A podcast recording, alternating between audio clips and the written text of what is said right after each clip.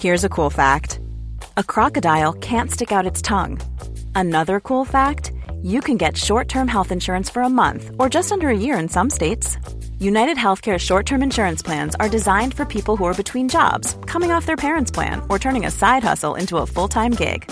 Underwritten by Golden Rule Insurance Company, they offer flexible, budget friendly coverage with access to a nationwide network of doctors and hospitals.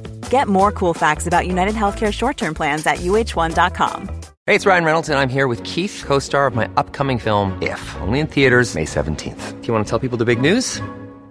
All right, I'll do it. Sign up now and you'll get unlimited for $15 a month in six months of Paramount Plus Essential Plan on us. Mintmobile.com slash switch. Upfront payment of $45 equivalent to $15 per month. Unlimited over 40 gigabytes per month. Face lower speeds. Videos at 480p. Active Mint customers by 531.24 get six months of Paramount Plus Essential Plan. Auto renews after six months. Offer ends May 31st, 2024. Separate Paramount Plus registration required. Terms and conditions apply if rated PG. Ever catch yourself eating the same flavorless dinner three days in a row?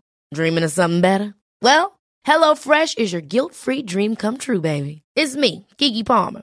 Let's wake up those taste buds with hot, juicy pecan-crusted chicken or garlic butter shrimp scampi. Mm. Hello Fresh. Stop dreaming of all the delicious possibilities and dig in at HelloFresh.com. Let's get this dinner party started.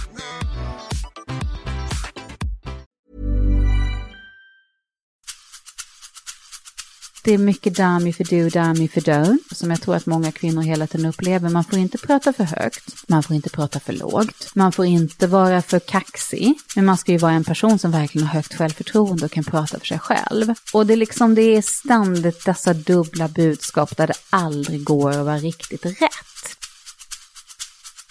Jag tror verkligen på det här att man lyfter sina medarbetare och få dem att se sina möjligheter. Och det är väldigt roligt de gångerna det funkar bra. Det är så otroligt belönande att kunna se att här sitter en guldmänniska och om bara hen fick göra det där och det där så kommer det bli hur bra som helst.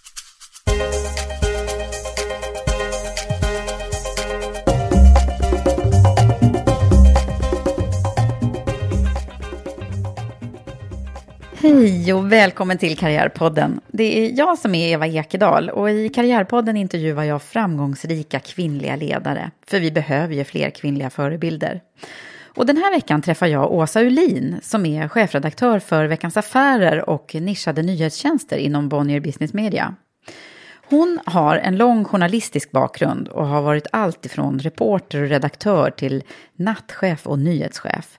Och har stor erfarenhet från olika branschmedia som till exempel Dagens Medicin och Finanstidningen.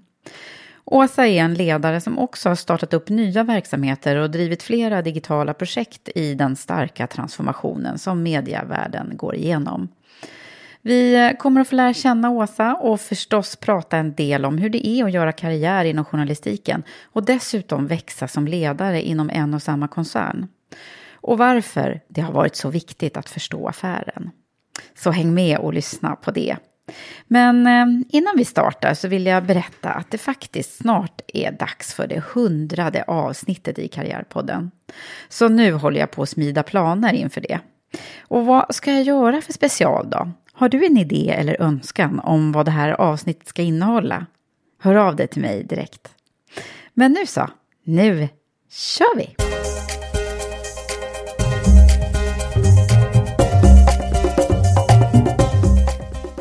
Välkommen Åsa Ulin till Karriärpodden. Tack. Vad roligt att ha dig här. Väldigt spännande. Ja, jag, också för mig. Det är så ja. Ja. Det är lite så här eh, reversed eh, för dig det här. Ja, ja. Men det är jag ju så himla van vid att sitta i din roll liksom Precis. och tänka ut hur ska jag lägga upp det här och så. mm. Men vi smygtränade ju faktiskt lite förra veckan. Ja, det gjorde vi. Ja, för då var vi ju, hade vi ju ett gemensamt e- event, Women for Leaders och Veckans Affärer, ihop. Ja, för första gången. Ja, verkligen. Mm. Och då, då, då provade vi med att jag ställde lite frågor till dig. Mm. Och kallade det för Fireside Chat med Åsa Ulin. Mm. Och det handlade då om, om förstås om eh, oss kvinnor och våra, våra karriärvägar och vad som har varit bra och mindre bra med, Mm. med det. Men nu ska vi göra en fördjupning. Och vi Mm. ska göra en fördjupning i hur din karriär har sett ut och vem du är på riktigt, Åsa. Och då tänker jag mig att eh, när jag har tjuvläst här nu, CV och så, så hittar man ju en riktigt journalistisk karriär, Ja. riktigt från början faktiskt. Eh, men sen så hittar man inte jättemycket. Nej. Liksom, jag har googlat och googlat och. Ja, vad finns hon? Vad finns Va, hon? va, Ja. vem är hon och vad finns det för skop ja, jag kring lite Åsa? hemlig, ja precis. Ja, hur kommer det här sig då? Jättesvårt att säga faktiskt, men jag är rätt privat som person. Och jag har haft roller där jag har varit, kanske inte, eller jag har haft roller där jag inte varit den som egentligen ska stå längst fram, utan jag har varit en andra person för många. Alltså verkligen varit den som har gjort jobbet ibland, eh, eller varit med och gjort jobbet med andra. Jag har haft eh, spännande utvecklingsroller, jag har gjort väldigt många olika kul saker. Eh, men det är först på senare år som jag har varit den som liksom förväntas stå främst och tycka till som mig. Och det är klart att ehm, det som då finns av mig tidigare är ju sånt jag har skrivit en del, det finns eh, liksom vad jag har gjort och CVn och LinkedIn och den sortens, men inte någonting liksom mer om vem jag är, för det har jag nog och utan egentligen vara väldigt eh, genomtänkt kring det, jag har hållit ganska mycket för mig själv. Ja, men det känns ju helt absurt för den som känner mig och säger att jag är en hemlig person, liksom, för att jag är väldigt så här... Det säger man inte. Nej, man det säger, nej, för att jag är väldigt liksom pratsam och älskar att debattera och diskutera och har mycket åsikter och är politiknörd och liksom hela den världen. Men jag har ju aldrig varit politiskt engagerad, mycket medvetet, för det tycker jag inte att jag kan vara som journalist. Jag menar, det finns andra sätt Nej, att ta det på, men jag har liksom hållit det, Mm. hållit det från mig så och jag har inte liksom någon annan typ av så att säga tyckarkarriär bakom mig så och inte valt det som uttrycksmedel så att eh, det är därför. Det är jag, därför. Liksom, jag har Men- jobbat. Men hur känns det nu då? För att eh, du, nu kommer du få, dels få berätta massa saker här för mig. Mm. Eh, och sen så är det ju faktiskt så att det var, när var det du eh, tillträdde den här rollen? Jag blev eh, chefredaktör för Veckans Affärer som är ungefär halva mitt jobb och för våra eh, digitala nyhetstjänster inom finans och energi på Bonnier Business Media hösten 2015. Ja. Och då var jag tillträdande ett tag för att ja, det skulle komma en efterträdare till mig på mitt tidigare jobb och sen så drog jag igång på riktigt där i årsskiftet 2015 Mm. Så det är ju 2016. ganska nytt Det att är ganska färskt för mig. så Ja, här. jag kan ju känna att det är egentligen bara sista året som Mm. jag, sista halvåret som jag börjat känna, ja men det här, nu känner jag mig börjar känna mig mer och mer bekväm. Ja. Ja. men för ett år sedan hade jag svimmat om du hade frågat mig. Så, herregud, ska jag prata om min karriär? Ja. Liksom, det finns så många andra, riktigt sådär klassiskt, Ja, vet. men du sa också, också. det, Ja. liksom, men vad då ska jag? Ja, ju. ja, ja, absolut. Ah. Min karriär, jaha, ja, all right. Ja, det Om kan vara säger många det då. som är intresserade av hur Ja. din karriär har sett ut. Mm. Och det ska vi fördjupa oss i nu. Och jag, då tänkte jag så här, eh, det här med att man blir det man blir, det är ju Mm. alltid någonting som jag brukar fokusera lite Mm. extra på. För att jag tycker det är så intressant att höra, när bestämmer man sig för det och vad Ja. är det som är de avgörande faktorerna? Ja. När, när visste du att det skulle handla om eh, journalistik? Det visste jag väldigt tidigt och frågan är varför jag hade fått för mig det. Eh, jag tror att jag var 14, 15 när jag började säga hemma att ja, men jag ska bli journalist.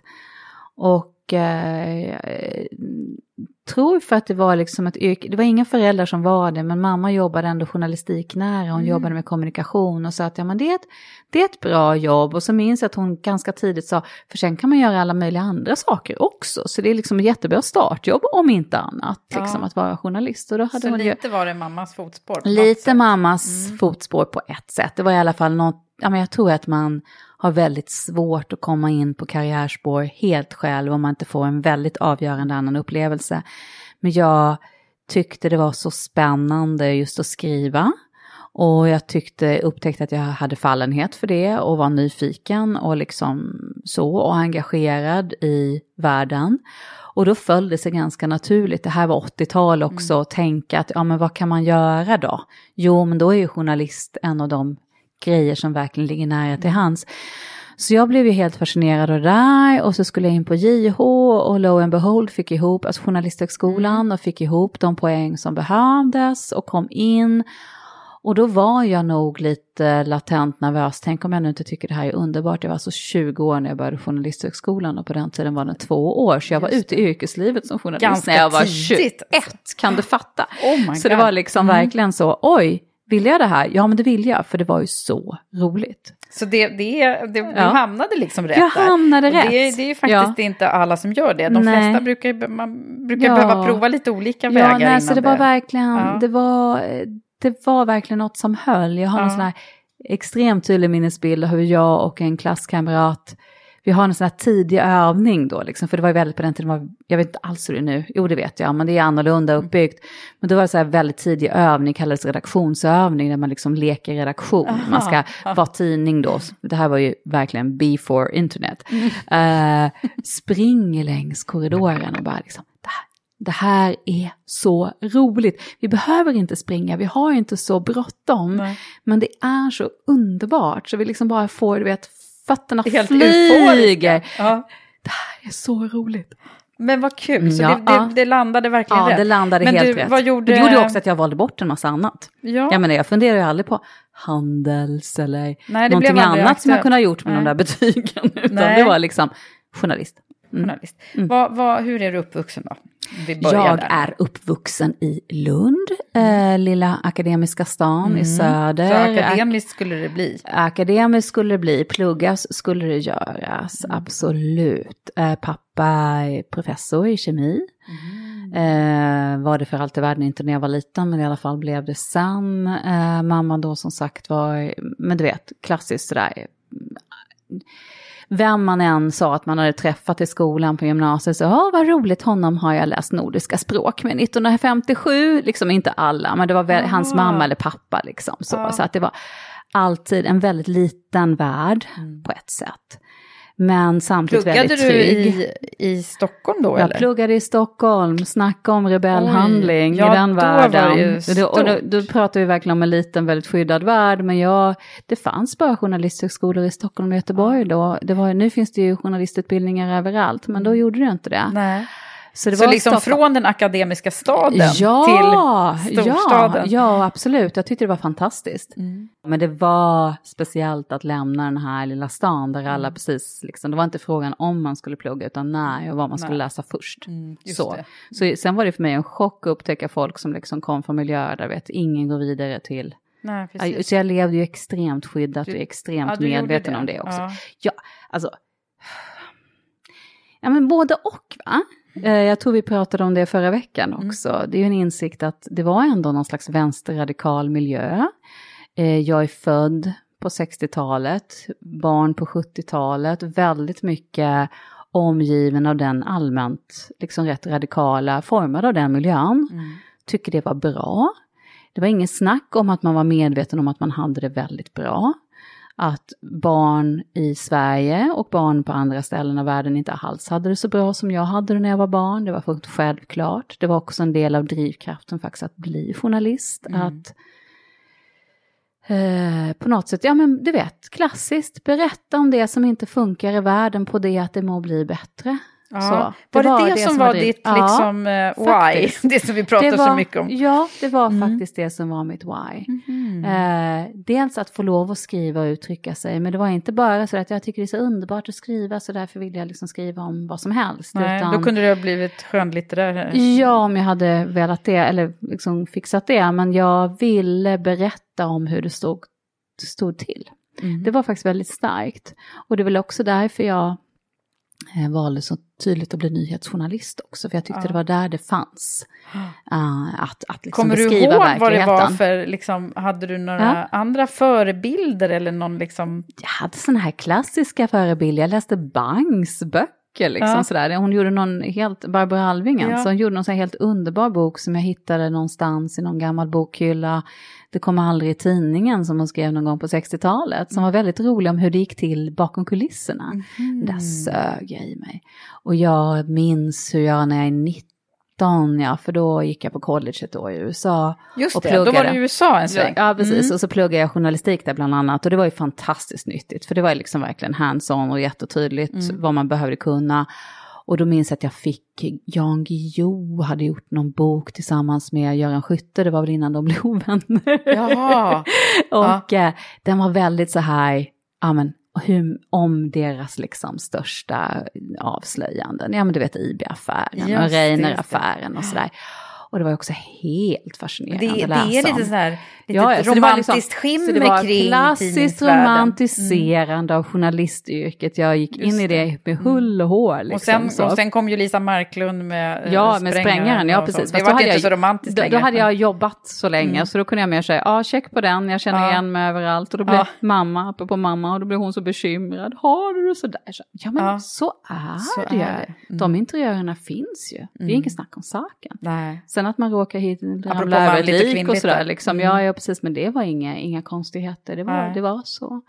Men du, jag vill stanna kvar lite grann Mm. där i lilla Åsa. Ja, Eh, vad, vad liksom, om man skulle eh, Hur liten kika då? lite på hur du var när du var liten. Och Ja. vad, vad, vad, de här allra första Mm. drömmarna då? Hur, Ja. vad, handlade de också om journalistik? Eller? Nej, det gjorde det nog inte. Men först, det jag minns tydligast, men det, det var ju verkligen för att pappa gjorde det. Och pappa var en väldigt, var och är en väldigt viktig person. Han finns fortfarande i livet och det är jag så glad för. Mm. Mamma gick bort för några år sedan. Men pappa var kemist. Och då hade jag väl också ramlat, jag läste ju mycket. Lilla Åsa läste kolossalt mycket. Ja, hon gjorde hon. det. Ja, Mm. ja, ja, hon Mycket läste allt. böcker. Allt, böcker, serietidningar, hästböcker, det som lades framför näsan, det plöjde jag. Liksom, jag hade sådana riktigt slukaroller under ett antal år, så här, före tonår och i början på Mm.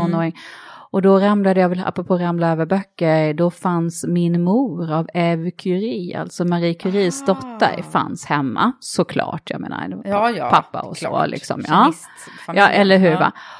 Och den där var ju helt fantastisk. Jag bara satte i mig båda och den är ganska liksom, den är inte på något sätt svårläst, tvärtom. Den är faktiskt ganska bra på sitt sätt, för det beskriver hennes liv då, mammans liv. Mhm. Eh, med dotterns liksom förlåtande blick och allt sånt där, men ändå liksom så, och det tycker jag var helt fascinerande. Så jag skulle bli kemist och upptäcka nya grundämnen bestämde jag mig för när jag var Ah. sådär 12 år. Så här, pappas flicka kan ja, man ju då... abs- ja, men absolut, i högsta grad. Pappa hade två döttrar och det Ja. var liksom för honom fantastiskt. Mm. Inga, jag hade min syster och jag, liksom, jag har inga bröder. Nej. Och det var liksom, vi var hans flickor, Är verkligen din så. syster yngre eller äldre? Hon är tre år yngre än vad jag är. Mm. Mm. Och jobbar också en inom området. till? Ja, Mm. absolut. Så jag är Mm. mycket stora syster. Eh, så. Så då, men då fick jag det, det här glömmer jag aldrig, för då såg han väl att det var kanske inte naturvetenskap som riktigt var min grej i alla fall. Det var lite taskigt av honom, så jag sa Ja. att nu ska vi upp på labbet, han. Och så ska du få mäta och väga och liksom, han satte mig bara på att göra en riktigt tråkig mätserie som jag antar ingen behöver göra idag i den digitaliserade världen. Men då var det liksom att sitta på något sätt, skriva ner hur någonting man skulle mäta, hur det liksom, en Hur det serie, hur det utvecklade sig. 0,1, 0,25, Ja. 0,19. Jättetråkigt typ. Fruktansvärt tråkigt. Ja. Det var ju inga, det var ju inte alls liksom. Vad, jo, varför gjorde han det här då tror du? Det har jag funderat på faktiskt. Mm. Jag tror att det var väl lite grann för att ge en realistisk bild. Just Mm. att jag, ja men du ser ju här en person som Mm. får en bild av att se de stora dragen och det där ska jag satsa på. Och så såg han väl att det kan hon kanske göra, men det här är realiteterna, tror jag. Så var- Faktiskt liksom. var- så var- där, där, var liksom, där gick han in och styrde Mm. lite grann. Så, annars så Ja. var det väldigt... För då förstod du att det här kanske inte var så himla kul Ja, som jag trodde. jättekul alltså. Nej, det var det Ja. verkligen inte. Så där någonstans så tror jag att jag switchade över till det här med, ja men okej med journalistik då. Om jag nu inte får upptäcka Mm. nya Hur var det annars då i skolan? Men däremot ska jag säga, när jag, under en period var jag ju forskningsjournalist. Just det. Eh, och på Dagens Medicin då, och hade ju väldigt roligt med det. För jag gillar ju verkligen forskning och Precis, så du har ju naturvetenskap. hittat en Så jag har ju liten, hittat eh, eh, snabbväg. en Det är, ju, det, är ju den, det är det verkligen den lyxiga snabbvägen. Att någon sitter och forskar på någonting i fem år och sen kan jag komma och Så kan du intervjua dem i två dem. timmar och sen så kan jag skriva om det. Det är väldigt lyckat. Ja. Mm. Men hur var du i skolan då? Jag var duktig. Du var en, Ja, jag var duktig en. MVG-tjej? Jag var en fast- MVG-pryl, en tjej, fast fem- 5,0 hette du då på den tiden. Ja. Ja. För att jag behövde komma in på JH. Ja. Så att så var det. Mm. Så det var ju därför liksom. Ja. Och kunde göra det. Hur, då. hur tänker du annars när du vi pratar ibland om skoltiden här och vad man Ja. har haft för highlights och icke-highlights? Jag tyckte det var ett icke-highlight att gå i högstadiet, men det delar jag med många. Ja, Särskilt tror jag tjejer som ändå hade rätt lätt för sig. Jag gick då i en skola där det inte gav sociala poäng att vara duktig i skolan, tvärtom kan man säga, så det dolde man ju väldigt väl. Ja.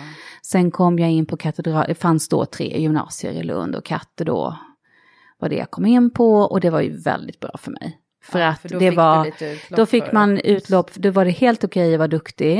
Eh, inte så att, alltså jag tror faktiskt nu att det är betydligt värre att vara en, ja vad är man nu då, man har A, en A-flicka då, man kan säga så det är någon som har mellan A och B liksom, Mm. Ja. än att vara en 5,0-brud eller MVG-flicka liksom för ett tag sedan, för att jag ser att trycket är så otroligt mycket högre på något konstigt Mm. sätt. Jag tror kanske att vi eventuellt pluggade med, jag vet inte, men i alla fall, det känns ändå som att trycket var mindre monumentalt. Det var klart det var mycket att göra, Mm. men det var inte omöjligt på något sätt. Man kunde ha ett rikt socialt liv Ja. också, och det hade jag, och det var väldigt roligt. Det hade du? Ja. Så då började det liksom ta fart? Då började det ta fart och jag upptäckte att jag var den här tjejen som gillade att debattera och diskutera och var med i en teater, sådana här fria aktiviteter med teater och musik, sjöng massor, mycket musik i hela gymnasiet. Det var jätteviktigt. Så man hittar eh, liksom en väldigt social själ här eh, Ja, redan ja. från början? Ja, absolut. Mm. Mycket social, tycker om att vara med folk, tänker bra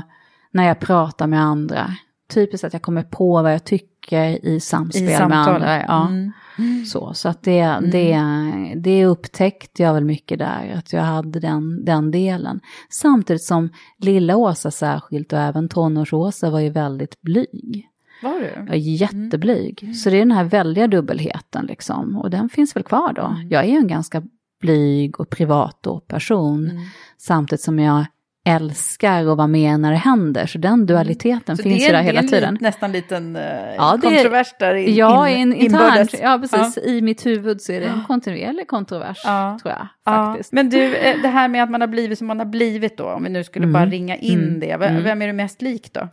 Jag är väldigt lik min mamma. Ja. Eh, hon var, får jag ju tyvärr då säga, en väldigt eh, eh, person som på något sätt satte väldigt högt att kunna saker. Och det har jag ju på något sätt fått nästan slåss med att jag, nej men jag måste inte ha gått alla kurserna och läst alla böckerna innan jag får lov att uttala mig om någonting eller kan säga att jag verkligen kan det. Men samtidigt också var väldigt så att hon vågade saker själv i sin karriär och väldigt inspirerande faktiskt nu när jag ändå är, ja, har den ålder jag har, att eh, hon fortsatte liksom att få nya roliga jobb väl efter 50 och vet du vad, hon doktorerade när hon var 72. Nej, är det sant? Ja, så det Vad är liksom så häftigt. liksom jättespännande faktiskt. Åh, att då har ju du liksom, då har ju din karriär precis börjat. Eller hur, ja ja. Va, va, vad, doktorerar hon inom då? Hon doktorerade i eh, inter, interkulturell kommunikation heter det. Hon Ah. jobbade på Gambro en massa år och där har man ju verksamheter i olika länder Ja. och så blev hon så nyfiken på hur pratar man om samma sak så att säga, alltså ett företag eller dess produkter i, eh, i olika länder i olika kontexter. Och så där så började hon dra i det. Och, så- hittade, att, hittade att eh, det här med eh, egentligen vilken, vilken jobbkultur du tillhör är viktigare än vilket land du kommer ifrån. Just det. Sådana saker. Så det höll hon på med. Gud vad spännande, Ja, då det- förstår man ju verkligen. Och sen det är den typen då... av familj jag kommer ifrån, förstår du? Där Ja, det är helt normalt att folk, där folk, helt normalt att folk doktorerar, vilket är lite sådär bara okej. Ja, jag känner ingen press. Nej, eller hur? Ja, men liksom alla, du vet, om jag skulle få för mig att göra det, vilket jag tvivlar på, så skulle jag säga, men vad kul. Mm. Men inte wow eller vilken oj grej. eller kan du det eller så, utan det är fullkomligt självklart. Så det är ju någonting jag verkligen har fått med mig, inser jag ju. Ja, Fullkomligt som har präglat dig Ja, ett fullkomligt självklart också självförtroende i den meningen att det är klart att jag kan det mesta. Ja. Vilket gör ju att jag är ju inte rädd. Jag är jättefeg för att åka berg och dalbana den där sorten. Som jag är inte rädd att pröva nya saker. För djupt innersta laget säger att det där är klart att jag kan det. Mm. Ja, men bara man sätter sig vid och tittar på grejer så kan man nog lösa dem. Och inte vara så rädd för det som är svårt. Mm. Nej, men det beror inte vara så på- rädd för det som är svårt och inte vara så rädd överhuvudtaget. Nej, faktiskt. precis. Men jag tänker också det beror ju på vad man, om man har lagt, eh, vad man har fått för typ av, om det har varit motivation man har fått Mm. utav föräldrarna eh, och omgivningen, eller om Mm. man har känt det som en, liksom ett måste. Ja, du, ja, jag förstår vad du menar. Nej, men all, alltså, jo, säkert. Absolut.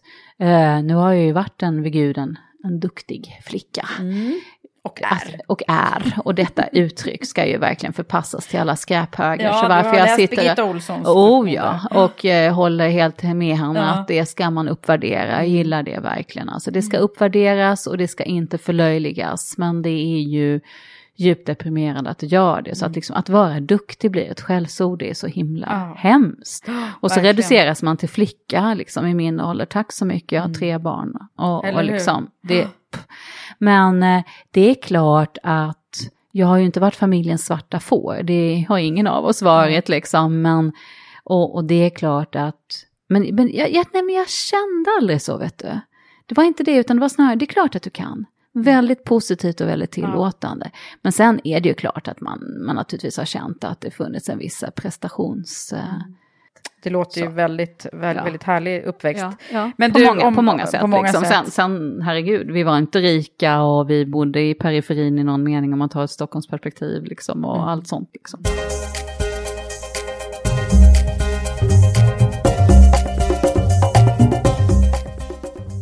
Men om man, om man nu skulle highlighta din eh, karriär lite grann, Ja. tänker jag. För att vi, eh, vi kommer inte kunna gå igenom ditt CV i detalj. Men vi, jag har ju fått kika här och det, den är ju som sagt var väldigt så här journalistisk. Eh, om det är någon som skulle vilja ha en historia om hur man gör en liksom klassisk... Man gör en tidning! Ja, hur man gör en tidning och hur man gör karriär inom, inom Ja. tidningsvärlden Ja. och nyhetsvärlden Ja. framförallt kanske då. Ja. Så, så skulle man kunna prata med dig. ja.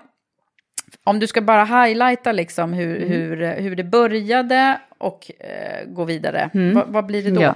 Alla som har varit journalister vet ju vad vik- vikariesvängen är. Mm. Och den befann jag mig i några år. Kom tack och lov ur den ganska snabbt ändå. Men ett par, tre år jobbade jag som vikarie. Och då har man, på den tiden så såg glas ut så att då hade man 11 månader på ett ställe. Och sen fick man sluta. Sen fick man sluta, ja, för då var man Ja. tvungen att bli för anställd. det andra skulle man bli inlasad. Och sen så fick jag ju jobb då till slut som först var att jag blev inlasad, eh, vikarie på Länstidningen Södertälje och sen fick jag fast tjänst. Och det var faktiskt en, en highlight på alla möjliga sätt för att det var ett bra ställe. Eh, jag fick testa saker, jag fick göra många olika grejer.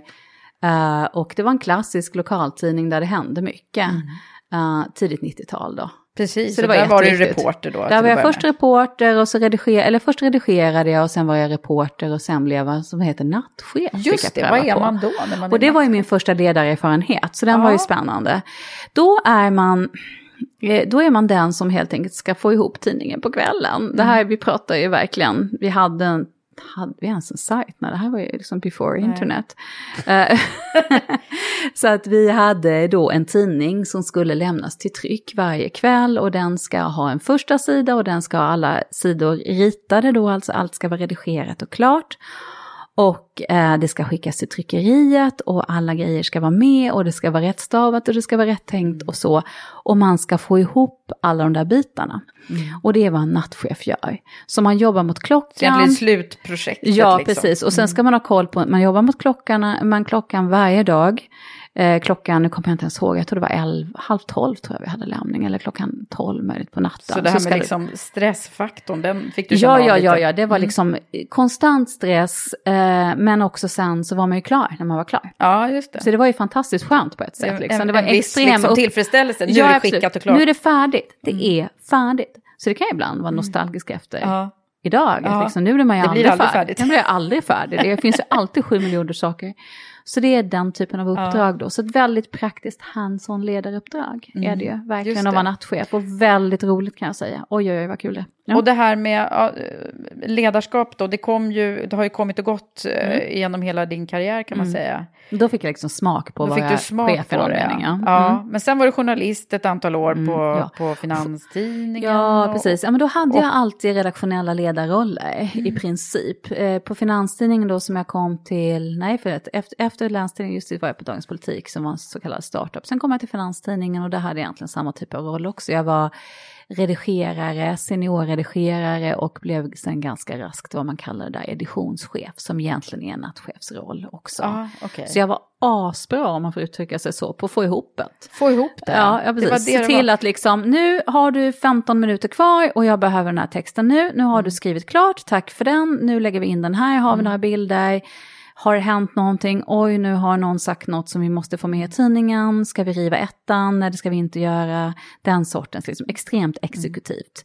Mm. Eh, det låter ju ganska så här, lite spännande också. Det Ska vi få ihop det idag? Eller? Ja, eller hur? Jo, du, tack. Det var lite väl spännande. Ja. Plus att om man vet då att går det för, alltså man har en kvart på sig kanske efter sista sidan ska lämnas. Men så här är det inte alls idag alltså? Jo då, men eftersom, så att jag menar om det går till en vanlig papperstidning, ja. vilken som, jag menar mm. Dagens Nyheter eller ja. Dagens Industri, så, så finns ju samma, samma roll, finns, samma roll finns ja. ju. Eh, men i och med att du idag har eh, öppna webbsajter, stängda webbsajter som har lämning 24-7, mm. så har du ju inte, du har ju inte den här racet mot klockan till en viss klock tidpunkt och sen är du färdig. Nej. Som det fanns då. Utan det, Utan det hela, tiden. hela tiden. Vi nu. publicerar hela tiden och det gör ju även eh, stora dagstidningar mm. jobbar ju så. Mm. Man publicerar först någonting på webben som man sen bestämmer sig för att låsa som man sen plockar in i papperstidningen. Det är ju ett mm. helt annat flöde idag. Ja. Så det är mm. så spännande och det har ju mm. verkligen hänt nu på så kort tid. Ja, verkligen. Och, och så. Så det här, är ju, det ditt, här är ju liksom någon slags historisk exposé. Ja, men det blir verkligen det. Men om man tittar på ditt ledarskap här under mm. tiden då? När kom det liksom första riktiga chefsjobbet? Alltså det första riktiga chefsjobbet var väl egentligen när jag blev rekryterad till Dagens Medicin. Mm. För då blev jag rekryterad som chef. Det hade jag liksom, tidigare hade jag typ börjat som någonting annat som sni, sen snikat mig in Sen i ledarrollerna. Den här Åsa, hon har koll på läget. Henne kan vi använda, precis lite så var det. uh, så. så på Dagens Medicin som är då en branschtidning som vänder sig till, till uh, sjukhus, person som jobbar inom sjukvården. Mm. Um, så så uh, fick blev jag rekryterad som chef. Först som det klassiska redaktionssekreterare. Mm. Och det ingick också att man var Det är ganska roligt. Redaktionssekreterare det är ju ja. egentligen lika med chef över redaktionen. Ja, det var ju det, det var tidigare. Det. Ja, men... precis. Och sen så har det liksom försvunnit ja. som namn. Uh, men då Vadå, var... den titeln finns Nej, liksom så då var man den som rapporterade till redaktionschefen. Ah. Mm. Och, det, och det, det, det är en titel som kunde fyllas med alla möjliga sorters mm. eh, uppgifter. Läser man Lisa Marklund, apropå mm. det, så, så ser man ju att där är en redaktionssekreterare en sekreterare. Ja. Vilket jag alltid stört mig jättemycket på med hennes böcker. Annars är de väldigt bra. Ja. Men... det har hon ingen koll på. Eller vadå, det, men det kan vara så. Ja, ja precis, absolut. Men, men där var det att jag var nyhetschef Mm. Eh, och så blandat med redaktörsuppdrag. Mm. Vad är det roligaste i, i jobbet som nyhetschef? Det roligaste som nyhetschef är väl just det att man äger hela produktionen och det var väl någonstans där jag började fatta att det här var liksom det jag var bra på. Mm. Att, att säga att okej, okay, den här tidningen fokuserar på det här och därför är de här grejerna intressanta. Vad har vi den här veckan? Prata med alla reportrar, se vad de har på gång, mm. kolla, ha hela tiden koll på det allmänna nyhetsflödet. Vad behöver vi lyfta? Hur gör vi det här på vårt sätt? Jag har ju väldigt länge då jobbat med branschtidningar, mm. alltså liksom som riktar sig mot en viss segment, eller snarare nischade tidningar, från Finanstidningen och framåt egentligen. Uh, och uh, sen då liksom bara se till att, att folk gör det de ska, att de lämnar i den rytm, att har vi allt vi behöver, har vi bilder, har vi, har vi annat material, idag har vi filmer, har vi liksom, hur ska vi göra det här, i vilket medium ska vi trycka det eller ska, i vilket medium... Millions of people have lost weight with personalized plans from Noom. Like Evan, who can't stand salads and still lost 50 pounds. Salads, generally, for most people, are the easy button, right? For me, that wasn't an option. I never really was a salad guy. That's just not who I am. But Noom worked for me. Get your personalized plan today at Noom.com. Real Noom user compensated to provide their story. In four weeks, the typical Noom user can expect to lose one to two pounds per week. Individual results may vary. Hiring for your small business? If you're not looking for professionals on LinkedIn, you're looking in the wrong place. That's like looking for your car keys in a fish tank. LinkedIn helps you hire professionals you can't find anywhere else, even those who aren't actively searching for a new job but might be open to the perfect role. In a given month, over 70% of LinkedIn users don't even visit other leading job sites. So start looking in the right place. With LinkedIn, you can hire professionals like a professional. Post your free job on linkedin.com slash achieve today. Wow. Nice. Yeah. What you're hearing are the sounds of people everywhere putting on Bombas socks, underwear, and t-shirts made from absurdly soft materials that feel like plush clouds. Yeah, that plush. And the best part? For every item you purchase, Bombas donates another to someone facing homelessness. Bombas. Big comfort for everyone. Go to bombas.com slash ACAST and use code ACAST for 20% off your first purchase. That's bombas.com slash ACAST. Code ACAST. Ever catch yourself eating the same flavorless dinner three days in a row? Dreaming of something better? Well, HelloFresh is your guilt-free dream come true, baby. It's me, Kiki Palmer. Let's wake up those taste buds with hot, juicy pecan-crusted chicken or garlic butter shrimp scampi. Mm. Hello Fresh. Stop dreaming of all the delicious possibilities and dig in at HelloFresh.com. Let's get this dinner party started.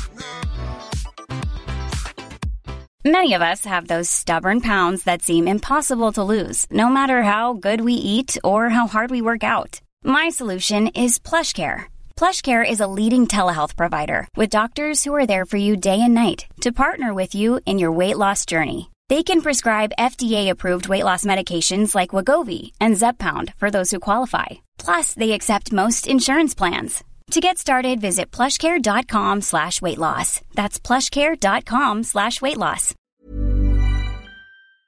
Mycket beslut som man ska fatta hela Extremt tiden. snabba beslut Mm. hela tiden. Så Och man blir väldigt du? exekutiv. Mm. Ja, det gillar jag jättemycket. Det tycker jag är hemskt Ja, kul. ja, så. jag börjar förstå det. Ja, ja. Men du, om man skulle gå vidare här lite, snabbspola i din karriär här nu, så hamnar vi ju till slut också då, eh, Mm. ja, Dagens Medicin blev ju ägt av Bonnier, ja, helt och hållet. Ja. Eh, och, och sen så tillträdde du ju den här rollen då. Ja, nu, nu snabbspolar vi. ja, exakt. Eh, och då blev det ju ett, ett betydligt större ansvar och Precis, många olika exakt. varumärken. Ja. Innan dess så vet jag ju att du också har varit med och byggt upp många av de utvecklingsområdena som Ja. Bonnier har drivit. Just det, precis. Och det var väldigt viktigt, för då fick jag ta en sväng utanför journalistiken i några år och vara, lära mig mycket om hur man bygger sajter. Eh, Det var ett nytt språk för mig. Eh, digitaliseringen som ju då händer nu här så enormt starkt. Liksom. Vad, vad behöver jag veta för att bli en bra beställare? Jag kan absolut inte knacka kod, men jag vet liksom mycket, mycket, mycket mer nu om vad som händer under huven.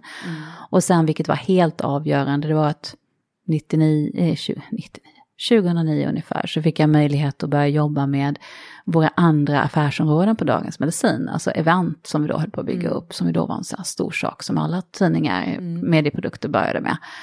Eh, och eh, då minns jag hur någon frågade mig, som hade ändå varit på det här stället i tio år, hur ser affären ut? Och jag lovar dig att jag hade liksom ingen aning om vad jag skulle svara. För jag var sån superjournalist. Så det var ju helt nödvändigt att jag fick lära mig, och det här låter ju patetiskt nu om man är på Veckans Affärer dessutom, liksom. då blir jag helt fascinerad av pengarna bakom det hela. Hur Ja. går det till? Vad är det för pengar som, liksom, vad har vi för intäktskällor? Bara det liksom. Vad är det som driver För det det? Hur funkar sälj? Det var ju, det, och det är eh, precis, för alla andra som inte kan journalistik, men du vet ju lite grann, för du har ju varit Mm. eh, I i branschen. branschen, i branschen exakt, så är det ju så att det av olika skäl, och det ska så vara egentligen kan jag tycka, men man behöver ändå ha mindre vattentäta skott än det var på den gamla Mm, tiden om man säger så, verkligen. Mm. faktiskt. Men då var det ju så att var du journalist så skulle du liksom inte veta någonting om affären och det beror ju naturligtvis på att man behövde inte bekymra sig om den. Nej. För när jag gick på Journalisthögskolan och när jag började på Länstidning och så vidare så var det solklart hur det gick till. Du hade, du sålde ett antal tidningar till en viss mängd människor som befanns i en kommun eller i en, en landsända eller inom en viss bransch. Och i och med att du visste att du kunde säga att så här många läser tidningen, typ, tror vi, eh, så kunde du säga till annonsörer att då vill du ju vara med med dina annons annonser i de här så att folk som läser den här tidningen kan se dem. Och så fick man in lite pengar från de som köpte tidningen och lite pengar från annonsörerna och det funkade väldigt bra i alla år. Fram till ungefär 2000. Just det. Och då började det hända grejer liksom. Så sen stod inte bara jag där utan en massa personer och bara undrade, okej, vad ska vi tjäna våra pengar på? Och jag har ju på något sätt haft turen att få vara med och surfa lite på den här enorma Precis, digitala vilket ju transformationen. är en eh, klar fördel för dig i din Ja, karriär. eh, ja. Ja, Så absolut. att, eh, och det är många som har vittnat om det i, i karriärpodden Ja, tidigare också. ja. Lär er affären. Ja, men så att det var ju helt avgörande. Så Mm. det ska säga två saker där som jag fick lära mig på den här omvägen. Dels naturligtvis att liksom driva en verksamhet som inte var journalistisk och bygga upp verksamheter och verkligen vara entreprenör. Mm. Otroligt viktigt och spännande och nödvändigt. Jag byggde upp Medibas då som var en svensk variant av ett norskt kunskapsstöd för läkare och sjuksköterskor. Mm, Helt jättehärligt och väldigt spännande och då fick man lära sig hands-on, vad innebär det att sälja? Mm. Och sen som sagt, var, varifrån kommer pengarna och hur går det till och vad är, det som, liksom, vad är en bra prissättning och vad får säljare att ticka och hela det här fick jag ju på något sätt en fullkomlig crash course i eh, på ett helt fantastiskt sätt Mm. och har sen då kunnat applicera det i andra sammanhang. Men jag var ju helt färsk. Men Så att du, det om vi, om vi skulle ringa in nu, för det här brukar jag också prata om ganska ofta. Vad är det Mm. som har varit så här viktiga, eh, avgörande vägskäl för dig här i din utveckling? Mm, Även om vi, mm. nu pratar vi om affären, det har ju varit en Mm. viktig parameter. Mm, mm. Men finns det, finns det saker som har gjort att du, vad är det som har gjort att du har tagit det vidare? Liksom? Ja, eh, att jag nog som sagt var inte är så rädd på ett sätt, samtidigt som jag har varit väldigt försiktig. Så att det är väldigt, det finns Mm. dubbelheter här, jag är synnerligen medveten om det. Eh, men en sak sån här, sån här stund som jag ganska tidigt kunde identif- identifiera att den här var viktig, det var när jag jobbade på en liten startup som heter Dagens Politik. Mm. Det var fantastiskt roligt, väldigt lärorikt, jag var cirka 30. Och så får jag frågan, eller rätt sagt så här är det, vi behöver just en nattchef. Mm. Och jag säger det kan jag göra. Ja, det bara kom För någonstans att, ifrån. nej, för att jag hade ju gjort det på Länstidningen. Så jag hade ju prövat, jag hade fått hoppa in som nattchef och visste att ja, men jag har, jag vet vad som krävs, jag kan göra det här. Och min chef säger ungefär, jaha du, det kan du väl få pröva liksom. Och jag bara, mm, ja. Mm. Eh, så, för jag var typ 29. Eh, och eh, det var viktigt. Det var ett, ett Det var absolut avgörande. jätteviktigt. Mm. Och sen var det väldigt viktigt att få vara på Dagens Medicin och verkligen bli redaktör. Eh, att liksom ha ett ansvar för att eh, köpa in material, bedöma, hitta på nya tematidningar, hitta, var väldigt självständigt ansvar hade jag ju då faktiskt under många, många år. Mm. Så, det, så jag blev väldigt liksom trygg i min roll. avgörande. Vad funkar, vad funkar inte? Vad är en, Mm. Alltså verkligen lärde mig jobbet. Tyckte Mm. jag att jag kunde innan, men där verkligen lärde jag mig redaktörsjobbet. Mm. Vilket sen utmynnade i den där boken som Just min syster det, och jag skrev. För det, det Ja. hittade jag ju i alla fall i och den mitt var också. Ja, och den var också viktig. För Mm. den fick mig att sätta, mig, sätta på pränt den delen av jobbet. Så Mm. min syster och jag skrev, min syster Karin Lilja, Mm. och jag skrev en bok om att vara redaktör. Och då hade jag ju den här erfarenheten att vara redaktör i traditionella medier och hon hade gjort mycket på uppdrag, varit mycket inom kommunikation Så och ni så. jobbar ju med liksom inom samma område Vi jobbar verkligen. väldigt mycket i samma här, område mamma faktiskt. måste ha ja, varit eller väldigt hur, hon var nog det. Vi kan liksom inte komma, vi kan inte komma ifrån det här, utan Nej. vi landar där liksom. Vi har gjort våra utbrytningsförsök, hon Ja. skulle bli biolog och sådär, men ja, du vet. Ja. Eh, så det var väldigt roligt att få lov att jobba med henne för första Kul gången på att riktigt. skriva en bok med sin syster. Superroligt. Ja. Och sen, Hur gjorde ni? Skrev ni varannat kapitel eller? gjorde så i början och Mm. sen satte vi oss och skrev ihop och hade Mm. någon fantastiska sådana här planeringssessions i hennes och den kök heter så. En överlevnads... Redaktören överlevnadsguide Guide. och den går nog att hitta om man Ja. letar. Så Jag säga att det- hittade den på nätet. Ja, det är en Mm. jättebra bok. Eh, eh, vi marknadsförde den lite för dåligt. Men, Ja. men det var, för min egen personliga del så var det också väldigt bra att göra ett bokslut på att det här kan jag. Ja, Check på den. Check på den. Mm, precis, och så här Apropå är det att skriva en bok, är makt liksom, då Ja, grejade du den. Precis, Mm. exakt. Och då, det var också ganska bra, för då kände jag lite mentalt att okej, Mm. färdig med det där, vad gör jag nu då? Eh, så så att eh, det, det var. Har det funnits personer som har varit Mm. avgörande för dig förmodar jag också Ja, det har det ju här. verkligen vilka, varit. Vilka vill du ringa in här då? Jag Som- skulle kunna säga min nuvarande vd då, Mikael Mm. Nessius på BBM, Bonnier Business Media, som nu alltså då är den organisation som Veckans Affärer och, och mina andra verksamheter då inom finans och energi, risk och försäkring, pensioner och förmåner, energimarknad, fond och bank. Jag räknar upp dem. Ja. Jag har nio varumärken och så Ja. har jag Bonnier Management 360 också som ett ledarskapsverktyg. Så jag har liksom många hattar, Mm. vilket är väldigt roligt. Men eh, Varför har han varit så han betydelsefull? Jag har ju var träffat viktig. honom så jag vet ja, ju att han är men absolut, väldigt och nu bra kommer han tycka att... Mm, nu sitter vi och pratar om honom här. Nej men det var viktigt, för att han testade mig. Han gjorde sådana här klassiskt, sen när man läser sen hur man ska utveckla medarbetare så kunde man se liksom, okej, han följde kanske inte att det fanns någon checklista, men det är ganska klassiskt. Att jag fick liksom lite mindre uppgifter som jag sen kunde, och som genomförde jag dem som han tyckte funkade, och sen så fick jag pröva lite större saker, lite större saker. Skulle du vilja, skulle du vilja? Och jag sa ja. Liksom. Eh, så. så att jag hade, byggde Så väl upp ett förtroende ja, där. byggde- Och han, byggde dig på något sätt ja, också. på ett sätt så byggde Mm. han väl mig, jag byggde väl mig själv, tack Ja, så mycket. Men, Men- liksom, men jag tänkte han hjälpte till. Ja, han hjälpte definitivt till att identifiera saker som jag själv inte hade en aning om. Vad är, han, vad är det han gör tror du som är så bra? Om man skulle nästan- titta på ledarskapet här Nästan vi- penibelt. Men jag tror att han, för mig, har funkat bra för att jag gillar att göra själv. Jag gillar att ha mycket eget ansvar och då blir det väldigt tydligt att inom, den här upp, inom de här ramarna så får du köra helt och hållet själv. Mm. Jag kommer inte sitta och pinpointa vad du håller på med, liksom, utan du, du får lösa det. Mm. Jag vill att du ska leverera de här grejerna. Och sen om man märkte att det drog iväg någonstans så kunde jag ju säga till, liksom, men inte, inte mer än så. Och det var också en väldig trygghet, liksom, Mm. och väldigt, väldigt roligt. Det blir väldigt kul att jobba så då. Så, Så. han har betytt mycket? Ja, han har betytt mycket. Jag har en chef nu som också har betytt otroligt mycket, för vi har jobbat nämligen parallellt genom alla år. Maja Florin, eftersom hon var faktiskt på Dagens Medicin när jag började där, så hon har varit väldigt mycket av, eh, ja men du vet, vi har jobbat tätt ihop i olika konstellationer genom åren. och varit Så ni är lite co-drivers? Ja, Mm. ja, ett tag så skojade om att hon gjorde något först och sen kom jag efter som en liten anka, för jag Mm. tenderade att ta över hennes jobb efter henne hela tiden sådär.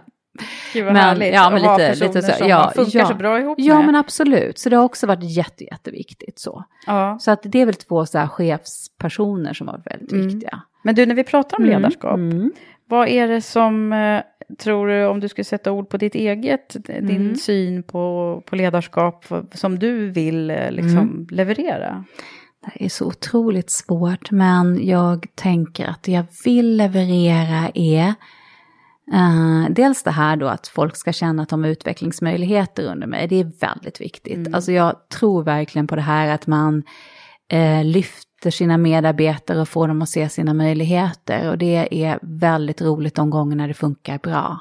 Det är så otroligt belönande att kunna se att här sitter det en guldmänniska och om bara hen fick göra det där och det där så kommer det bli hur bra som helst. Alltså det är så roligt, det är nästan det roligaste i ledarskapet, att, att få vara med och bidra till andras utveckling. Eller bara, det gör de ju själv om igen liksom. Micke beredde marken och jag gjorde jobbet, det är ju samma Ja, sak för ja, mig. precis. Att man liksom, men om Man du, öppnar- man öppnar öppnar dörrar så, det är väldigt roligt. Apropå pay it forward som ni brukar säga, det är Precis. lite det där. Det är en viktig sak att vara den som kan se möjligheten för individen och ha så pass då koll på individen att man kan. Men sen är jag ju som sagt var en väldigt exekutiv ledare. Jag är ganska målstyrd och tycker det är viktigt att man liksom kommer framåt. Jag är rätt otålig. Jag tror att folk tycker att, jag kan tycka att det går långsamt. Är helt övertygad om att en del människor runt omkring mig tycker att det viner runt öronen liksom, för det går så okej, fort. du är va? så snabb. Mm. Ja, jag förväntar mig nog att liksom folk springer med Mm. eh, rätt bra. Och det är både bra och dåligt. Det är väl en styrka i, i situationen som vi är nu i svenska medier. Liksom. Men, men det är också naturligtvis kan ju vara en nackdel. Mm. Det finns ju en tendens att jag springer på och så bara oj, vad tog alla vägen liksom.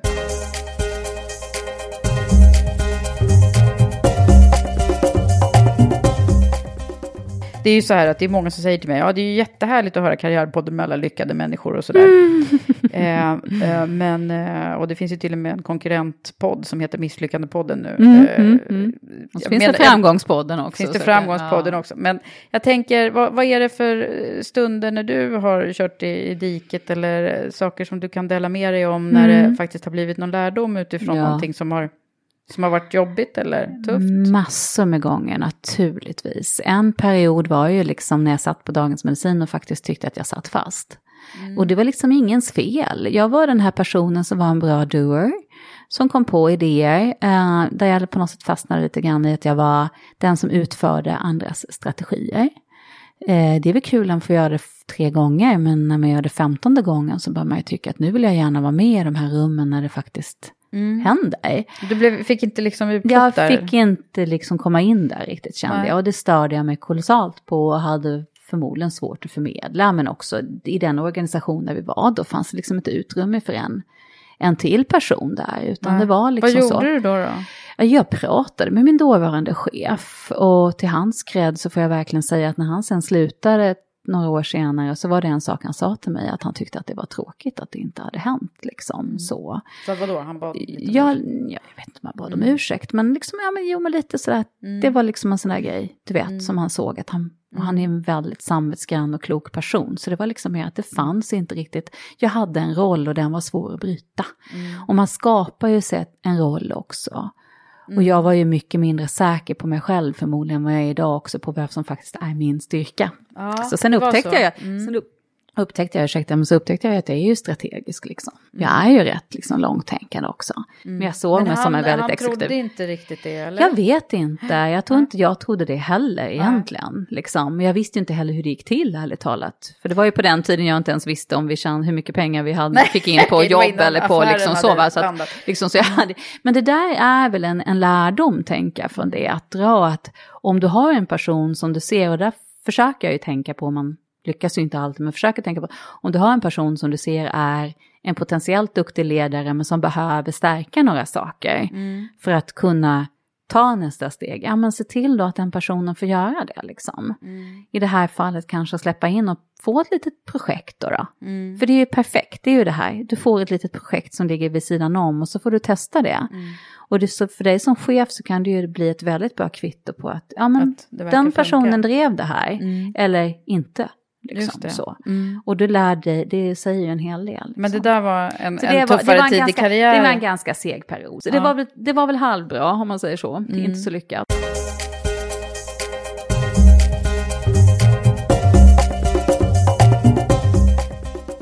Kvinnor är ju någonting som du och jag har gemensamt intresse, Mm. verkligen. Och om, om man skulle liksom förklara varför du gör det då, det, vad bottnar det här sig i Ja. att du tycker att, att det är så viktigt med jämställdhetsfrågan? Jag tycker i grunden är det ju bara så fånigt att min dotter inte ska få samma möjligheter eller ses på samma sätt som min son.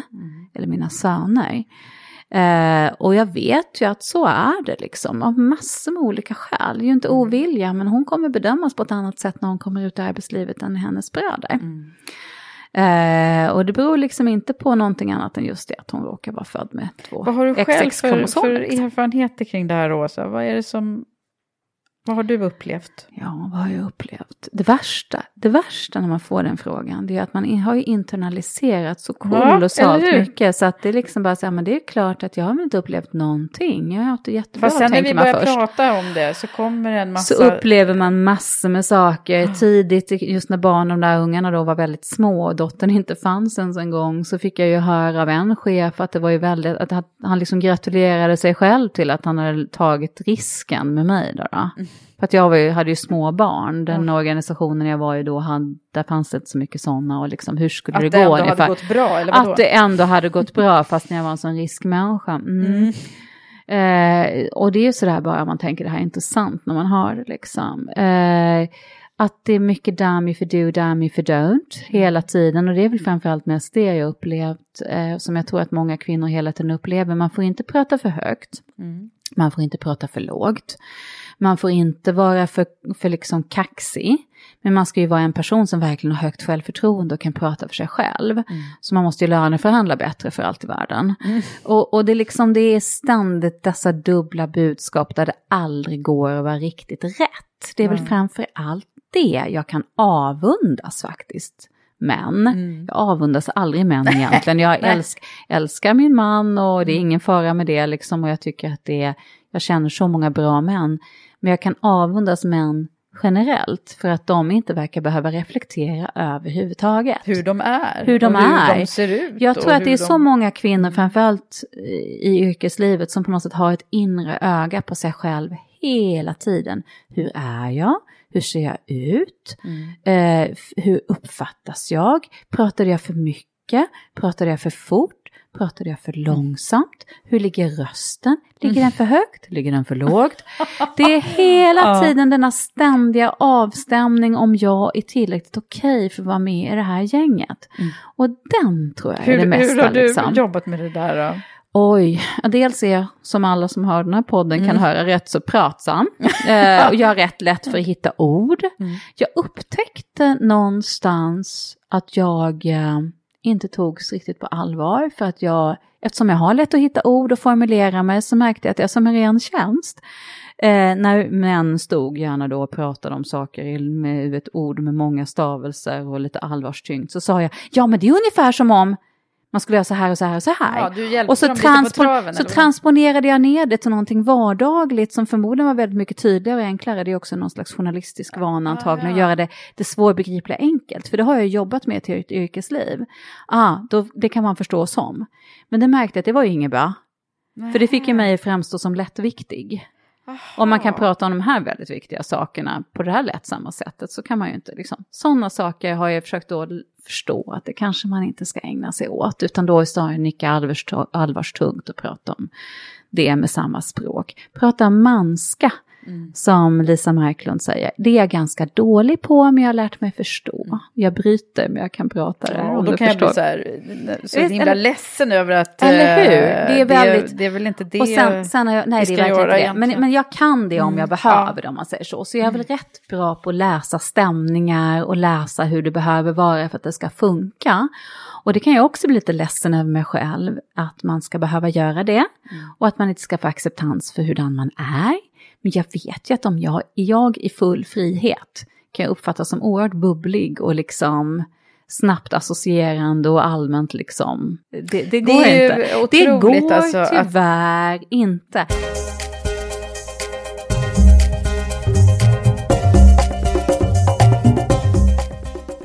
Du, eh, om vi skulle börja summera lite nu. Ja. Vad, vad är det för... eh, Jag brukar ju fråga den där, du vet, eh, vad hade du velat veta när du var 20 eller sådär ny i arbetslivet? Vad hade du mått bra av att veta då, som du vet nu? Om mig själv eller rent allmänt? Rent allmänt. Mm. Eh, pröva på. Var inte så rädd för att pröva sånt du inte kan. För det tror jag att Åsa, typ 25, hade behövt höra tydligare. För att som sagt var, du har ju den här då bakgrunden av att finns det en bok så ska man läsa den och sen när man har läst den då kan man pröva. Men, liksom, men att få pröva någonting som jag inte var supersäker på i alla fall. Och att det inte behöver vara så farligt för att man kan lära sig medan man håller på. Learning by doing Ja. hade jag behövt. Det hade du behövt höra. Det hade jag behövt höra lite mer av. Sen är ju hela yrkeslivet och definitivt de här chefs, tidiga chefsrollerna jag hade definitivt learning by doing. Men det finns ändå en ganska tydlig mall. Det är ett tydligt uppdrag. I den gamla journalistiska världen och i den nya så är det ändå väldigt tydligt att det här förväntas du göra. Liksom. Så att det fanns en mall. Det hade jag behövt höra. Ehm, var inte så försiktig kanske. Jag var ändå lite försiktig. Är ju fortfarande som sagt var, finns väldigt lite på mig om man googlar mig. Mm, just det. Eh, så, Nu finns det så snart att lite, lite mer. Ja, eller Mm. hur? Spännande. Ehm, sen hade jag nog behövt höra det som jag ändå har lärt mig på senare år. Att skaffa dig en person att prata med som du verkligen kan prata om ditt ledarskap med. Alltså för, om en blivande chef. Ja. För det har jag av olika slumpmässiga skäl fått. Och det är otroligt viktigt. Det är en Är det väninna, det är en väninna Mm. som jobbar i organisationen. Och vi, men vi sitter inte på samma liksom, ställe så. Men vi har lite distans men vi är ändå väldigt liksom. Så det är någon form av intern mentorskap? Ja, eller vi, vi hittar varandra. Ja, okej. Så att vi mentorerar, mentorerar varandra kan man ju säga då. Ja. Liksom. Och då är det väldigt mycket så, då har man ju någon att bara komma Men är det liksom off the record? Det är liksom, Fullständigt off the record. Det är ingen som har fått ett uppdrag av någon annan, utan vi Nej. hittade varandra själv i ett, ett visst läge och upptäckte att om vi äter lunch med varandra då och då, eller tar en fika, eller bara kommer och säger, men gud, hur ska jag göra?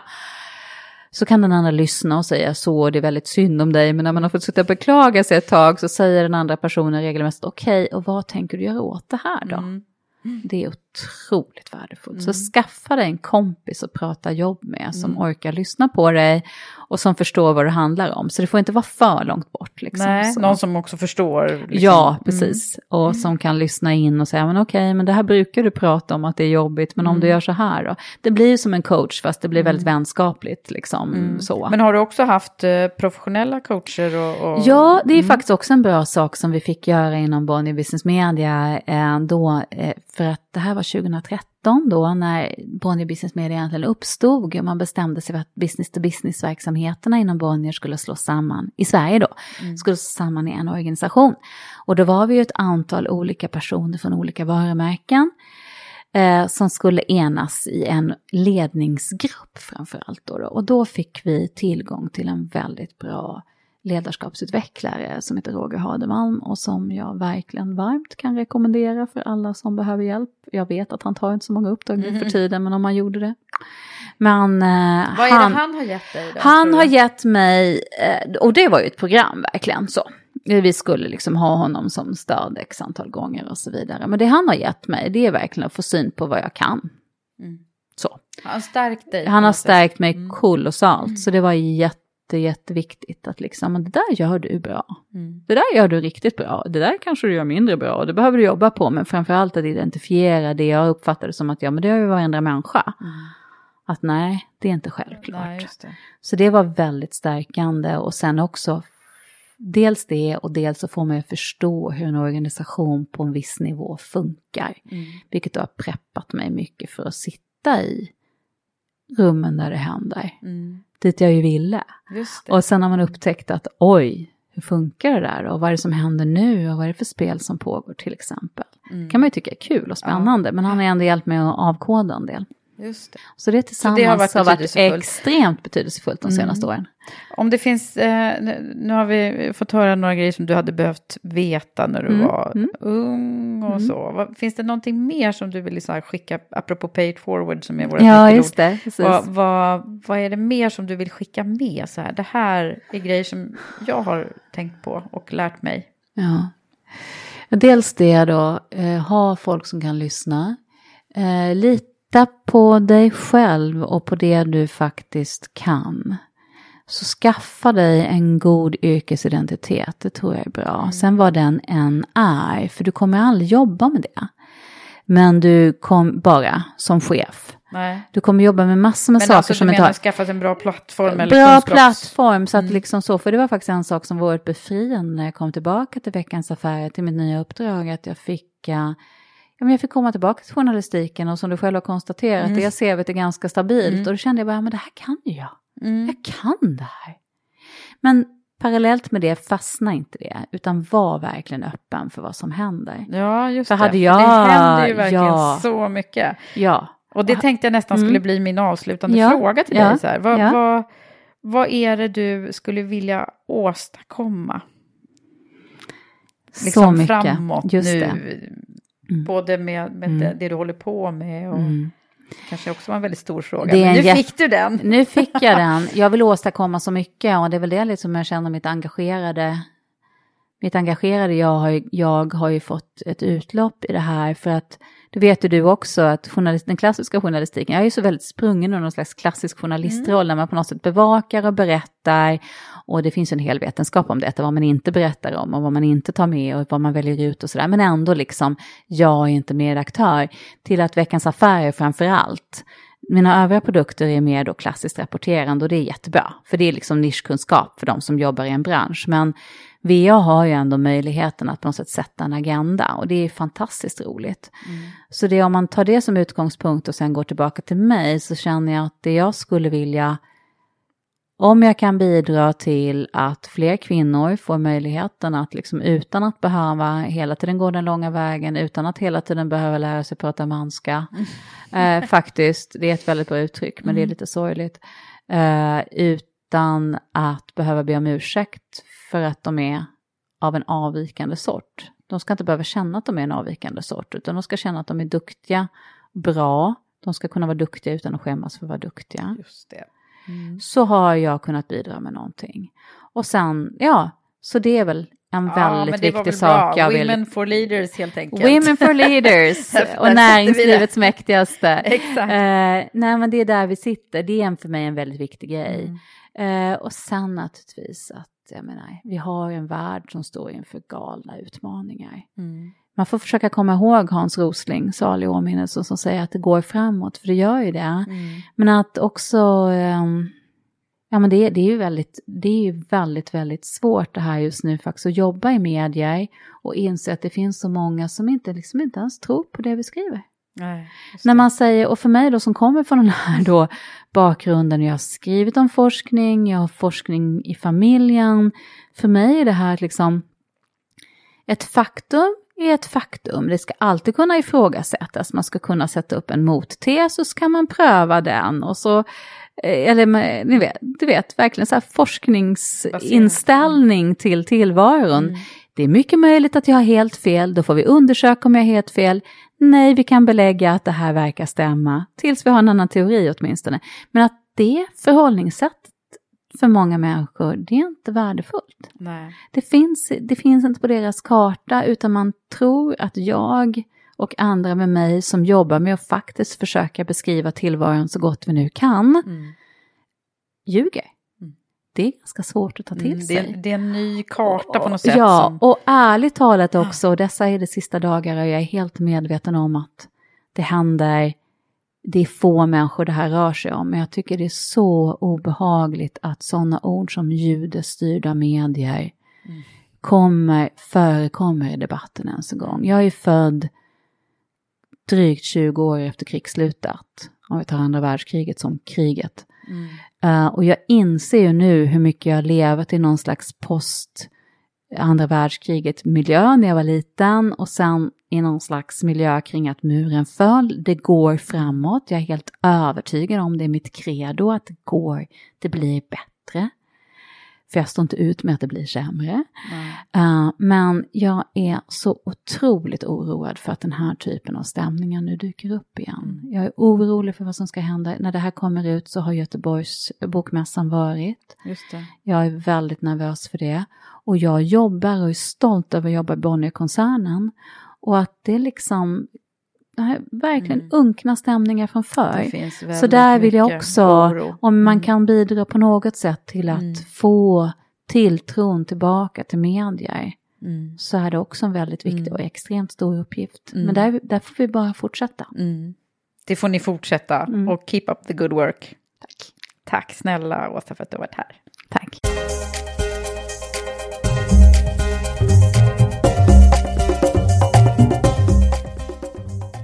Ja, tack Åsa. Vad spännande det är att få ta del av din karriär och dina tankar. Det ska bli så kul att följa dig och ditt fortsatta arbete i fortsättningen. Och tack också till dig som har lyssnat. Och jag vill sända ett särskilt tack till er som hör av sig till mig och peppar och berättar vad ni tycker och kommer med inspel. Det betyder så mycket. Och fortsätt att interagera i sociala medier och hjälp oss att sprida Karriärpodden och Women for Leaders budskap. Men ha det nu så bra så hörs vi snart igen. Hej så länge!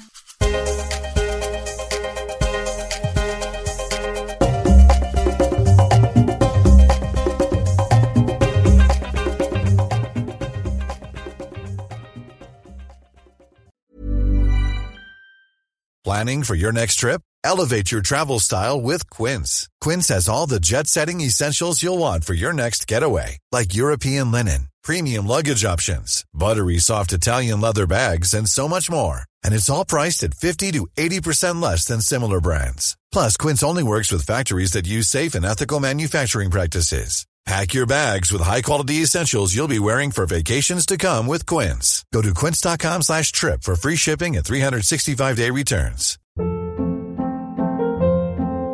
Hold up. What was that? Boring. No flavor. That was as bad as those leftovers you ate all week. Kiki Palmer here, and it's time to say hello to something fresh and guilt-free. Hello Fresh. Jazz up dinner with pecan-crusted chicken or garlic butter shrimp scampi. Now that's music to my mouth. Hello Fresh. Let's get this dinner party started. Discover all the delicious possibilities at hellofresh.com. Traffic jams, tailgating, pileups. Ugh, the joys of driving. How could it get worse? The federal government wants to have a say in what you drive. That's right. The Biden administration's EPA is pushing mandates that would ban two out of every three vehicles on the road today. Don't let Washington become your backseat driver. Protect the freedom of driving your way. Visit EnergyCitizens.org. Paid for by the American Petroleum Institute.